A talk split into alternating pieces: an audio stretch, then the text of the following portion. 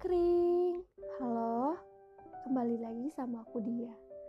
Kali ini aku mau bahas tentang rasa.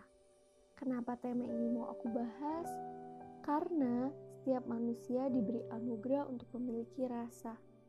Entah itu rasa suka, cinta, kesedihan, ataupun kebencian.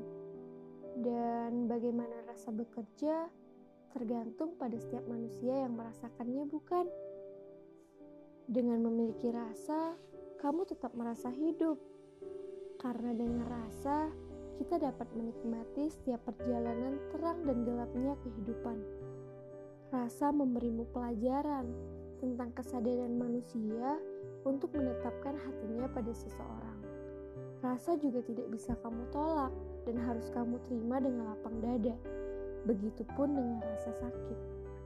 Sebenarnya, tak ada yang salah dari sebuah rasa. Namun, kita harus tahu takarannya saat kita mengekspresikan sebuah rasa tersebut.